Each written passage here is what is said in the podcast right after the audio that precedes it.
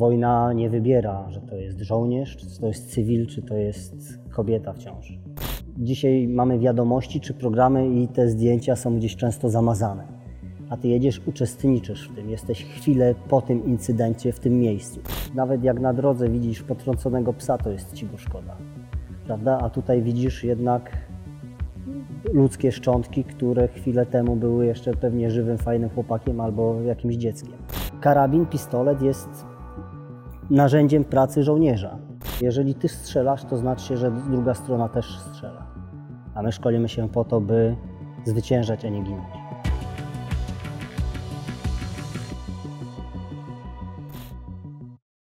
Przez kilkanaście lat byłeś żołnierzem specjalnej jednostki wojskowej GROM. Łatwo nim zostać? Czy łatwo nim zostać? Wiesz, to trzeba popatrzeć na to z perspektywy, w jakich czasach się człowiek do tej jednostki dostaje.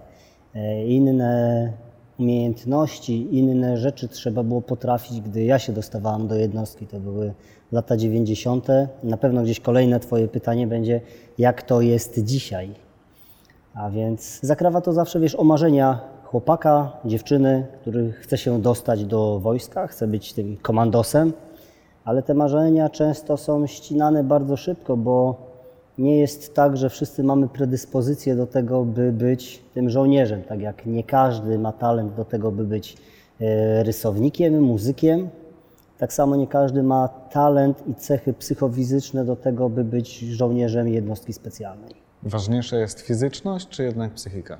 To musi być ze sobą połączone, bo yy, przechodząc selekcję do gromu, czy będąc już później instruktorem, yy, często typujesz sobie kogoś, kto jest świetnie wysportowany, stawiasz na niego, no dobry koleś przejdzie, a nagle zaczyna być zimno, tak w cudzysłowie jest głodno i ta osoba mówi, nie, dalej nie pójdę.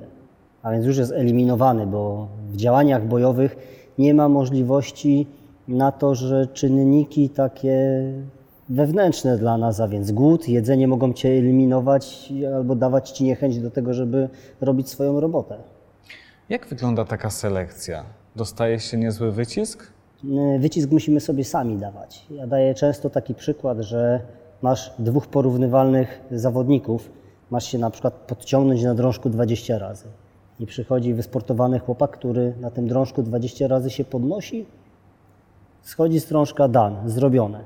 I przychodzi chłopaczek, który od 15 razu zaczyna walczyć o każde jedno podciągnięcie. Robi 16, 17, 18, trzepie nogami, 19 już nie robi.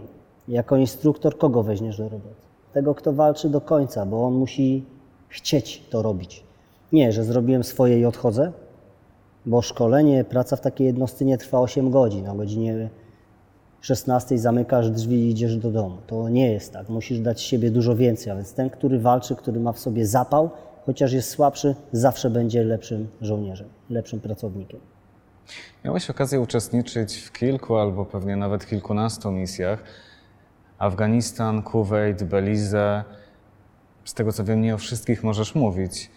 Yy, Chcę Cię zapytać o to, bo pewnie nie zdążymy opowiedzieć o wszystkich. Jaka była dla Ciebie najbardziej wymagająca?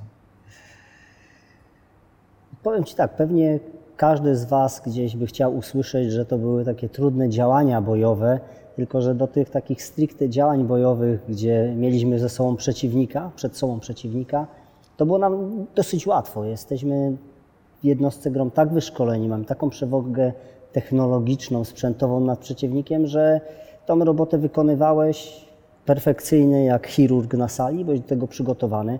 Bardziej w kość nam, tak po ludzku dały zawsze warunki e, przyrodnicze, warunki atmosferyczne. To jest, wiesz, Afganistan jest krajem, do którego tak słabo pojechać turystycznie. Jest to kraj, który jest wysoko położony, są niedostępne góry 2,5, 3, 4 tysiące metrów, a więc na tej wysokości się działa. Ym, W powietrzu unosi się non-stop praktycznie kurz, są nieprzyjemne wiatry i jest po prostu w nocy zimno, w dzień gorąco. A więc tutaj taka przyroda ekstremalna, z którą trzeba sobie poradzić. Idziesz przez dzień, gdzieś walczysz, jesteś spocony, później musisz przetrwać noc.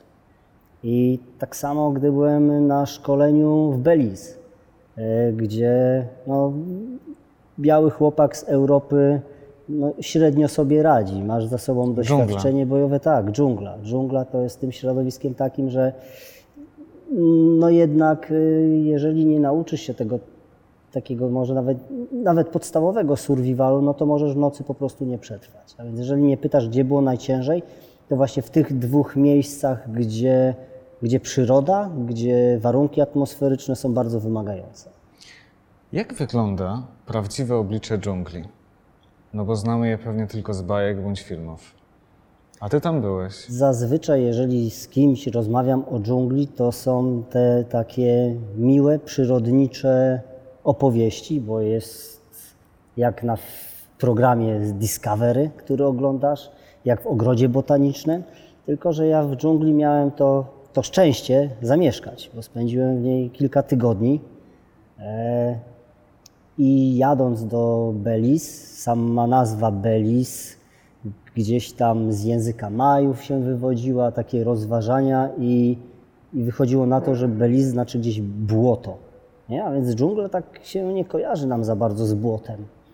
E, błoto nie za ładnie pachnie. A więc ja pamiętam już taką scenę po trzech tygodniach, kiedy leżeliśmy, była zaplanowana zasadzka i szkowaliśmy się e, e, na zasadzkę na, na, na przeciwnika, który tam działał przeciwko nas i leżę sobie z kumplami i taka, wiesz, wiewiórka przyszła, która tak na nas popatrzyła, coś tam pojęczała, poszła dalej. Gdzieś obok pełznął wąż i tak zastanawiam się, kurczę, że chyba jesteśmy częścią tej dżungli.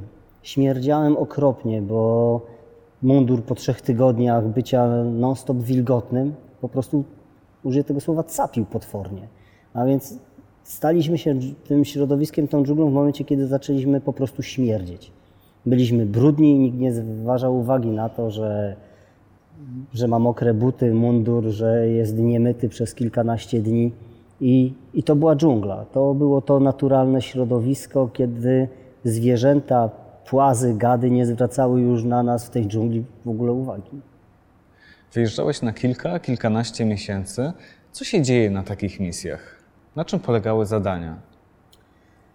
Yy, mam w głowie taki obraz, wiesz, gdy oglądam film Pluton, to jest jeden z moich takich najlepszych filmów. I będąc już na misji, a powiedzmy, że, znaczy nawet nie powiedzmy, będąc już na misji w Iraku, w kampie Pozi, przypomniałem sobie obrazy tego filmu i zawsze się jako młody chłopak zastanawiałem, co jest poza samą tą walką, gdy oni wchodzili w tą wietnamską, to jest film o, o wojnie w Wietnamie, w tą wietnamską y, dżunglę, i tam była pokazana bardzo fajna scena, zresztą kilka tych scen, takiej prozy życia codziennego, kiedy muszą kopać rowy na odchody, kiedy jest wolne popołudnie. I ten czas taki, który pytasz o działania bojowe, to jest, nie skłamię cię, 10-15%. Zaledwie. Tak, zaledwie, bo poza tym wszystkim y, jest życie codzienne. Masz stołówkę, musisz o siebie zadbać, zrobić pranie, E, posprzątać swój pokój, obsłużyć sprzęt. Pokój gdzie się mieszka? E, mieszka się często w takich już specjalistycznych dzisiaj namiotach wojskowych, ale myśmy wykorzystywali na przykład budynki po byłej Gwardii Narodowej. A więc te budynki były zdewastowane, więc e, cała amerykańska machina, można powiedzieć, logistyczna je dla nas przygotowywała. Więc wiesz, też najnormalniej w świecie podniesienie takiego komfortu życia, więc zostały założone okna, z czasem została założona klimatyzacja, więc już ci lepiej się funkcjonuje, no bo nie ma się co ukrywać, żołnierz, który idzie do boju, jest wypoczęty, jest dużo bardziej efektywny niż ktoś, kto jest niewypoczęty. Tak? Jest telewizja, jest internet? No w czasach, w których ja byłem, internet dopiero raczkował, bo to był rok 2003, 2004, 2005, a więc te pasma internetowe już były, ale na pewno nie wszyscy mieliśmy skrzynkę mailową prawda? Ale już, już był. E, ostatni mój wyjazd w 2012 roku, no internet już był ogólnie dostępny i praktycznie każdy żołnierz mojej jednostki miał dostęp do internetu. I, I to jest takie, wiesz, dla mnie te obrazy z Iraku czy z Afganistanu to nie tylko walka, ale też takie codzienne życie, radzenie sobie z sobą. Będąc na tej misji, poza tymi działaniami bojowymi, które powiedziałam, że było 10-15%, to codziennie jest praktycznie trening. Praktycznie cały czas jesteś w machinie takiej, trenujemy taktykę, trenujemy strzelanie, jest siłownia, ćwiczymy i znowu taktykę w dzień, strzelanie w dzień, strzelanie w nocy, taktykę w nocy. A więc to jest permanentny trening, taki, taki obóz kondycyjno-przygotowawczy do Twojego działania, a w międzyczasie i tak się sprawdzasz, bo, bo działasz. A w międzyczasie pojawia się zadanie, jakie trzeba wykonać. Jakie to są zadania? Przykładowo. Gdy myśmy byli używani, a więc jednostki, mm, może wymienię firmy, tak w cudzysłowie, a więc GROM, Navy Seals, Delta Force, SAS brytyjski, e, czy KSK niemiecki, to są, e, to są działania, które są bardzo długo przygotowywane. To nie są operacje takie z przypadku. A więc gdzieś za nami zawsze stoi to zaplecze wywiadowcze, które przygotowuje tą operację. E, Często jest tak, że te operacje nie masz możliwości jej powtórzenia. Musisz ją zrobić raz, dobrze, dokładnie i koniec. Nie Bo może nie jeżeli- wyjść. Nie może nie wyjść, bo jeżeli nie wyjdzie, łączy się to często ze spaleniem Twojego źródła informacji albo z osobą, która ucieknie z takiej zasadzki. Koniec, już jej nie. Drugi raz bardzo ciężko będzie przygotować, żeby ją po prostu pozyskać, żeby znaleźć miejsce i wytropić, gdzie ona się odbywa. A więc my do tych operacji się bardzo mocno przygotowujemy, koncentrujemy i każda jest niepowtarzalna, każda jest tak samo ważna. Przygotowanie jest szalenie ważne, a sama operacja może polegać na przykład na czym?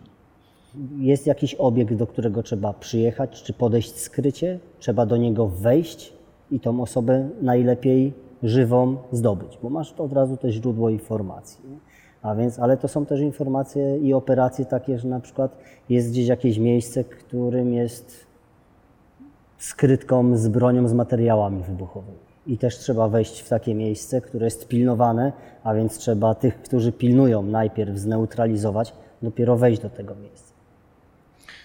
Myślę sobie, że sytuacji, y, w których sięgasz, sięgałeś po broń było wiele, e, a jak często trzeba było z niej korzystać? Znaczy, to jest takie pytanie, jak górnik ma kilof i idzie na przodek rąbać węgiel. Nie? Karabin, pistolet jest narzędziem pracy żołnierza. A więc to jest y, najnormalniej w świecie używane za każdym razem, kiedy masz operację, ale nie koniecznie zawsze musisz strzelać. Wymuszasz posłuszeństwo przez wycelowanie. Prawda? Broń ma tą możliwość, że na przykład możesz odstrzelić nim zamki, służyć jako coś, co potrzebujesz, tak jak strzelbę, żeby otworzyć sobie drzwi.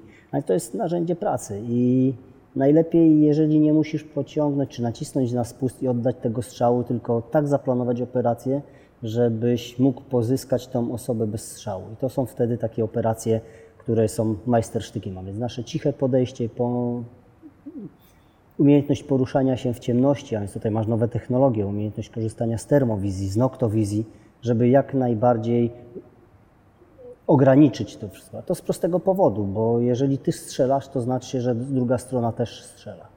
A my szkolimy się po to, by zwyciężać, a nie ginąć. No, wyobrażam sobie, że niekiedy pojawiają się sytuacje, kiedy trzeba strzelać także do, do ludzi, do człowieka. No, to pewnie nie są dobrzy ludzie, zamachowcy, przestępcy. E, Jak psychicznie poradzić sobie z taką sytuacją, że człowiek musi strzelać do człowieka, pozbawić go życia? To jest długi proces szkolenia, kiedy uczysz się wyeliminowywać cele.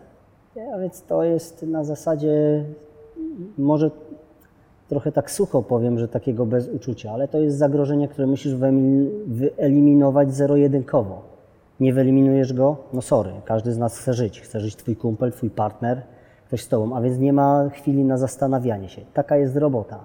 Druga strona patrzy na to, że oni też są bezkompromisowi i strzelanie w twoją stronę dla nich też jest czymś naturalnym. To można powiedzieć, że to jest taka poważna męska gra, na którą godzą się obie strony. Ja idąc do tej roboty, gdzieś w głębi siebie muszę się godzić z tym, że mogę stracić swoje życie, tak samo jak moi kumple. A więc ja, biorąc udział w tym, nie mogę się zastanawiać nad technicznymi aspektami, czy mam do kogoś strzelić, czy nie. Taka robota. Ty na szczęście żyjesz, masz się dobrze, a twoi koledzy, czy wszyscy wracali? No niestety wszyscy moi koledzy nie wrócili, bo to nie jest tak, że, że Pan Bóg kulę nosi i i czasami, no chociaż Pan Bóg czasami też kule nosi. Jest tak, że, że niektórzy koledzy nie wrócili, niektórzy byli w trakcie operacji ranni. Czy takie sytuacje jakoś obciążają morale? Znaczy, czy obciążają to, co Ci wcześniej powiedziałem, że robiąc tą robotę, idąc do tej pracy, mając świadomość, że chcę być żołnierzem jednostki specjalnej, musisz brać to za margines prawdopodobieństwa, który się może wydarzyć, że zginiesz. Ale y, giną górnicy, giną kierowcy na drogach. Żołnierz niejako gdzieś ma to zapisane w swoim, mm, w swoim zawodzie, że nie chcę powiedzieć, że naturalną śmiercią żołnierza jest śmierć na froncie, ale mówiąc o wojsku, o, o byciu na wojnie, no jednoznacznie nam się kojarzy to gdzieś zginięciem, chociaż ja mówię cały czas, my się szkolimy po to, by zwyciężać. Tyle. Ale każdy żołnierz jest też zwykłym człowiekiem. Czy, czy miewałeś jakieś takie momenty słabości? No nie, i to jest, cały czas będę brnął w ten etap szkolenia i w etap y, doboru, bo nam się wojsko i żołnierz często kojarzy z żołnierzami jeszcze poborowymi z zmierzchłych czasów, z lat 80., 90. i od okresu II wojny światowej, kiedy służba zasadnicza była powszechna. By przyjść do jednostki, takiej jak GROM, trzeba mieć 23-24 lata, a więc już nie są to chłopcy, tylko zaczynasz się stawać mężczyzną. Okres szkolenia jest dosyć długi, bo to jest ponad rok do 2-3 lat, a więc już masz faceta, który ma 27-28 lat, który zaczyna robić tą robotę. Ma za sobą dobre podstawy wyszkolenia taktycznego, strzeleckiego, ma ze sobą dzisiaj najlepszy na świecie sprzęt i co najważniejsze, ma ze sobą, ze sobą na równi z sobą grupę specjalistów takich samych, jakim on jest. A więc nie masz myśli, że masz zwątpienie. Oczywiście jest ci zimno, oczywiście, jeżeli nie dostałeś żarcia, to jesteś głodny. Oczywiście często jest do domu daleko i wiatr z piaskiem sypie w oczy. Ale to jest Twoja robota i tak masz poukładane w, w głowie, że musisz to wykonać i nie ma takiego zniechęcenia. Przynajmniej ja się nie spotkałem, z, nie spotkałem się z czymś takim, że u mnie w jednostce ktoś był zniechęcony i powiedział, no nie, ja już mam dosyć, tej roboty nie będę robić. Raczej, dlaczego bolą mnie plecy i kurczę, skręciłem nogę i już nie pojadę na robotę, niż że fajnie mam już bolące plecy i nie będę tego robić. Byłeś twardy, e, ale chcę zapytać Cię o sytuacje, które jednak jakoś w największym stopniu wystawiają tę ludzką psychikę na próbę. Jakich sytuacji doświadczałeś? Co widziałeś? No wiesz, że jeżeli przejeżdżasz swoją kolumną przy kolumnie, znaczy przy kolumnie, przy tym, co zostało z pojazdów Twoich sojuszników, czy przy samochodach, gdzie paliły się polskie auta, no to to są takie widoki, gdzie ta ropa śmierdzi, widzisz spalone szczątki ludzkie, no to są traumatyczne. Dzisiaj mamy wiadomości czy programy i te zdjęcia są gdzieś często zamazane. A ty jedziesz, uczestniczysz w tym, jesteś chwilę po tym incydencie w tym miejscu. I tak wygląda wojna. To jest coś naprawdę złego i paskudnego. Tylko, że wojna nie trwa tak cały czas, bo ta eksplozja, ta walka była, a ona minęła i za chwilę gołębie wracają i gdzieś sobie latają. E, Czy to odciska piętno? Do tego ciężko się przyzwyczaić. Jednak nawet jak na drodze widzisz potrąconego psa, to jest ci go szkoda. Prawda? A tutaj widzisz jednak ludzkie szczątki, które chwilę temu były jeszcze pewnie żywym, fajnym chłopakiem albo jakimś dzieckiem. A wojna nie wybiera, że to jest żołnierz, czy to jest cywil, czy to jest kobieta w ciąży. Więc te, te obrazy no, są takie, takie trudne, ale y, my, będąc żołnierzami, gdzieś je widzimy, ale trzeba pamiętać, że w tym samym miejscu są cywile. Jest, każda wojna nie toczy się na terenie, gdzie są tylko żołnierze, gdzie tylko ktoś walczy, tylko tam normalnie żyją ludzie, żyją społeczeństwa, które też chcą normalnie pracować, funkcjonować, dzieci wysyłać do szkoły i jeździć na wakacje. Ty wyjeżdżałeś na misję, a w Polsce czekała na Ciebie Twoja rodzina, Twoi bliscy. Jak często mieliście okazję kontaktować się ze sobą? Y, To też jest taki, wiesz, cykl technologiczny, bo od czasów, kiedy byłem y, na misji pokojowej ONZ-u w Libanie w 1994-1995 roku, to ten kontakt wtedy jeszcze z moją dziewczyną wyglądał tak, że pisałem list, po dwóch tygodniach ten list dochodził do Polski, i dwa tygodnie, jeżeli odpisała, od razu wracał do mnie. Więc po miesiącu miałem odpowiedź na to, co zapytałem się 1 czerwca, to 1 lipca dostałem odpowiedź. Można było oczywiście zadzwonić, ale y, telefony były bardzo drogie i dzwoniąc słyszałeś głos nie tylko swojej ukochanej, ale i połowy Azji z tobą rozmawiało. A końcowe misje to już wiesz, era Skype, era internetu, a więc jesteś w stanie z dzieckiem odrabiać zadanie domowe i tłumaczyć równanie z matematyki. E, Za czym się tęskni w największym stopniu? Co w takim razie jest największym problemem, wyzwaniem?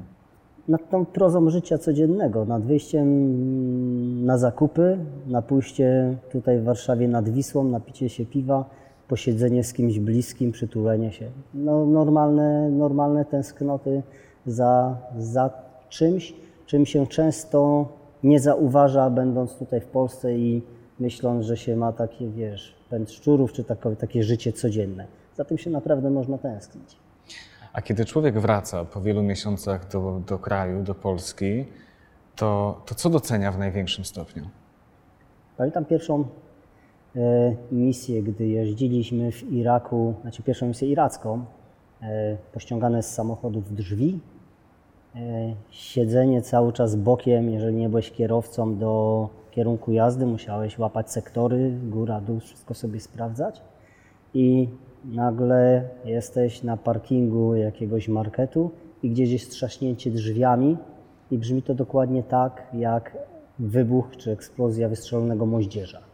I nagle masz takie uniki, przez 3-4 tygodnie musisz się tego uczyć, że, że już jest bezpiecznie.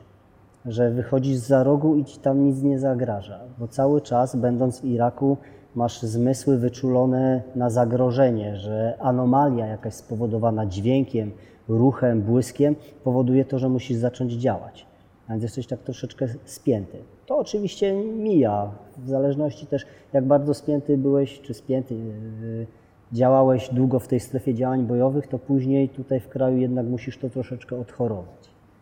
Wyczytałem gdzieś, że zawsze poruszasz się z nożem. Masz go przy sobie.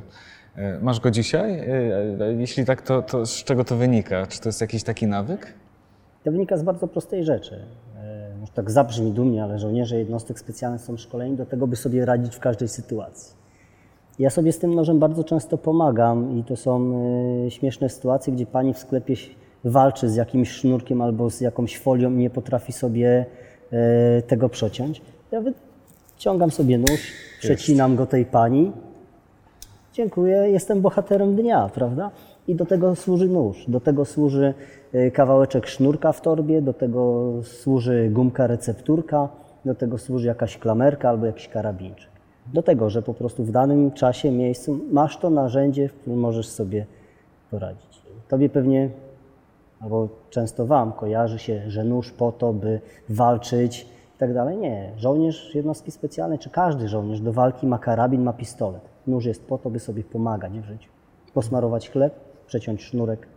Często wykorzystujesz wiedzę i umiejętności, jakich nauczyłeś się na misjach w życiu codziennym? Wiecie, czy często? No to jest, y, one n- wchodzą w nawyk.